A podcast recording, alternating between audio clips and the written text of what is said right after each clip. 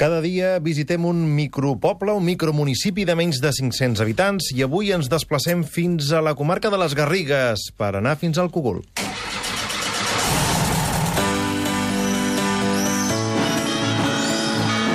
Viatgem per la microcatalunya. Edu Bayer, bon dia. Bon dia. Avui toca un poble rupestre. Municipi. El Cogul. Comarca. Garrigues. Habitants censats. 193. Gentilici. Cogulenca o cogulenc. El seu gran tresor. Unes pintures rupestres de fa més de 10.000 anys declarades Patrimoni Mundial per la UNESCO. I com és? Un territori ondulat i rocós amb un paisatge d'oliveres i ametllers. A prop de Lleida? A 22 quilòmetres. Qui mana al poble? Jaume Mor, per Esquerra Republicana de Catalunya. El micromoment. El Cogul, Edu, eh, que hi vau ser entre el març i l'abril, recordeu que l'Edu Bayer i el Marc Serena, la gent de microcatalunya.cat, doncs, ja han anat fent aquest recorregut i ens van explicant les seves experiències. Al Cogul hi vau ser doncs, entre el març i l'abril, que era en plena època d'esporgar oliveres, oi? L'arribada al Cogul va ser una escena de pel·lícula. Vam arribar, era un poble de, de, de, amb les cases de color rogenc, com el propi ter territori, i hi havia quatre de senyores allà, la més jove tenia, si no recordo malament, 80 anys, i res més. I llavors, eh, al cap d'una estona, els pagesos venien de treballar al, al camp i vam, vam veure passar eh, camions amb eh, tractors que venien d'ensulfatar i, i gent vestides amb la seva granota.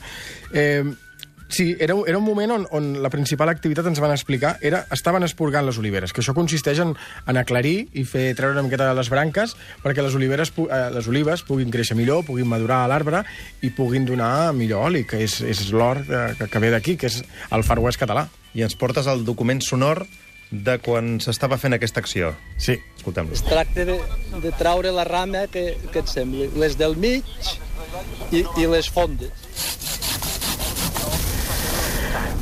Vam, vam passar una tarda eh, amb el Josep esporgant oliveres amb, una, amb el seu tros a les afores del Cogul. Va ser una cosa molt, molt, molt bonica, una experiència molt maca, perquè eh, veure com, bueno, com els, els camps els treballen amb, amb paciència i la quantitat d'hores que fa falta per extreure'n producte com l'oli, no? Te n'adones de, de, de, de la feina que hi ha darrere de les coses que consumim, i això és molt bonic. En Josep ens explicava que ell té 60 anys i és el pagès més jove del poble.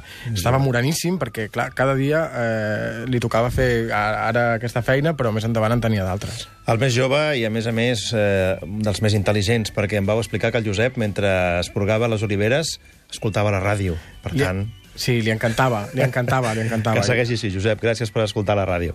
La microimatge. La imatge d'avui són dos aparells molt estranys i una d'aquestes imatges eh, que els fotògrafs suposo que us donen més satisfacció, que és aquelles que sorgeixen per casualitat, oi?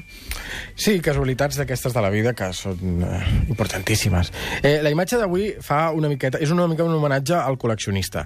Nosaltres, eh, la història és, és la següent, eh? Estàvem un dia esmorzant al bar del poble del Cogul i vam veure un home que llegia el diari, com feia cada matí. Eh, és l'Ovidalet. Vam xerrar una estona amb ells i al cap de poc vam anar a parar a casa seva, que, que viu a Cala Llebre i ens va explicar... Bueno, el motiu per què hi vam anar és perquè ens va dir jo tinc un museu a casa. I llavors vam, en seguida vam voler anar-lo a veure. I no és us que, enganyava, eh? No, no, no. No és que sigui un museu de, de, de, de, de pagar entrada i que estigui obert al, al públic, ni que tingui les coses de que valguin molts diners, però tot el que tenia tenia un valor sentimental per ell molt gran i, en realitat, mm, després parlàvem amb el Marc, allò era una, col·lec- era una, era una col·lecció d'objectes que tots junts eren com una mena de retrat d'una generació, d'un temps i fins i tot d'un país. O sigui, un museu dels records, podríem dir. Sí, un sí, museu mira. de la nostàlgia. Sí, de la seva època i d'aquell lloc. Mira, vam trobar, per exemple, un saxo eh, tot embolicat, que era de la seva etapa com a músic d'orquestra, que va, tocava a l'orquestra de Caros, de Lleida. Després vam trobar records de comunions i de casaments, souvenirs dels seus viatges, estampes de la Moreneta i del Cris del Cogul, sifons, una caixa d'ensaïmades de Mallorca... Vam trobar també un convertidor de pessetes a euros. Això ja és més modern. Sí. Tot i que ja comença a quedar lluny, eh, la conversió. Hi havia la, hi havia la portada del diari de l'AVE, eh, de, del diari de quan l'AVE va arribar a Lleida, hi havia un trosset de la bandera de, de Barcelona dels Jocs Olímpics, en fi, hi havia fins i tot un, una, ampolla, una, una capseta, que era una ampolleta d'oli, d'oliva, amb la cara del Jordi Pujol i l'emblema de Convergència i Unió, que és de, de, la, de la darrera campanya que, que va fer el Pujol per, per, les terres, I en- per les terres de Lleida. I entre aquests objectes que vau veure, aquests dos que surten a la imatge d'avui que vegem tot seguit al Facebook i al Twitter del programa. Bé, que això- són... Això Semblen una... màquines enregistradores, però tenen molt pocs botons. de, de, de P5, no? Semblen de, de, de les pri mi primera màquina. Sí. Doncs potser serien de les primeres màquines. Una és una Hispano Olivetti i servia per sumar, i a la dreta tenim la seva successora, que era una Walter, que ja multiplicava. Són records de 48 anys treballant de comptable en una mateixa empresa de l'Ovidalet.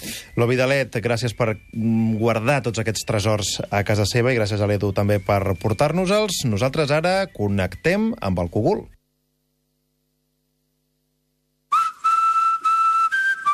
El microcatalà.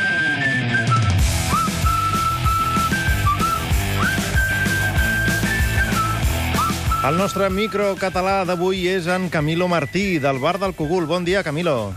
Hola, bon dia. Volíem que ens expliquessis eh, bueno, com, com, com és això de portar l'únic bar del poble. Bé, doncs aquí doncs, eh, és un poble molt petit, eh?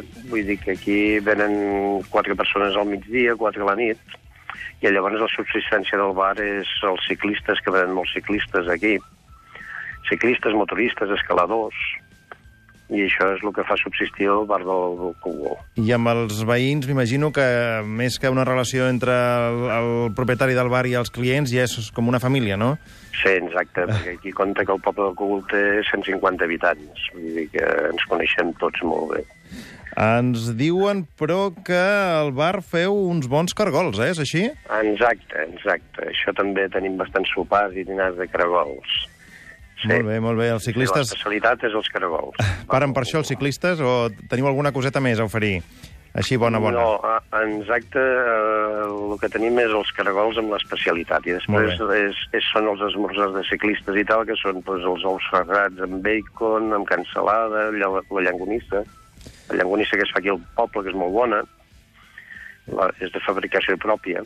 Clar, clar, és que ser ciclista és molt dur, eh? S'ha de Sí, fer un bon sí, sí, esmorzar. Camilo, a més a més de tot això, també fas de guia d'un jaciment d'art rupestre que hi ha, En- que hi ha al poble. Explica'ns això. Sí, exacte. Mira, això, degut a la crisi, doncs va quedar... Estaven fent un centre d'interpretació i va quedar aturat.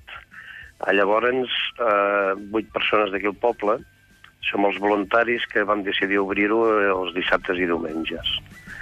Ah, llavors, pues, van, van pujar del Museu Arqueològic de Lleida i ens van fer un curset a vuit persones. Ah, llavors, doncs, des de que el vam obrir, que farà un any i mig o així, doncs, igual hi han passat ja 3.000 o 4.000 persones per aquí al Cogul a veure les pintures rupestres. I bé, eh, de moment en tenim moltes ganes de seguir. Molt bé.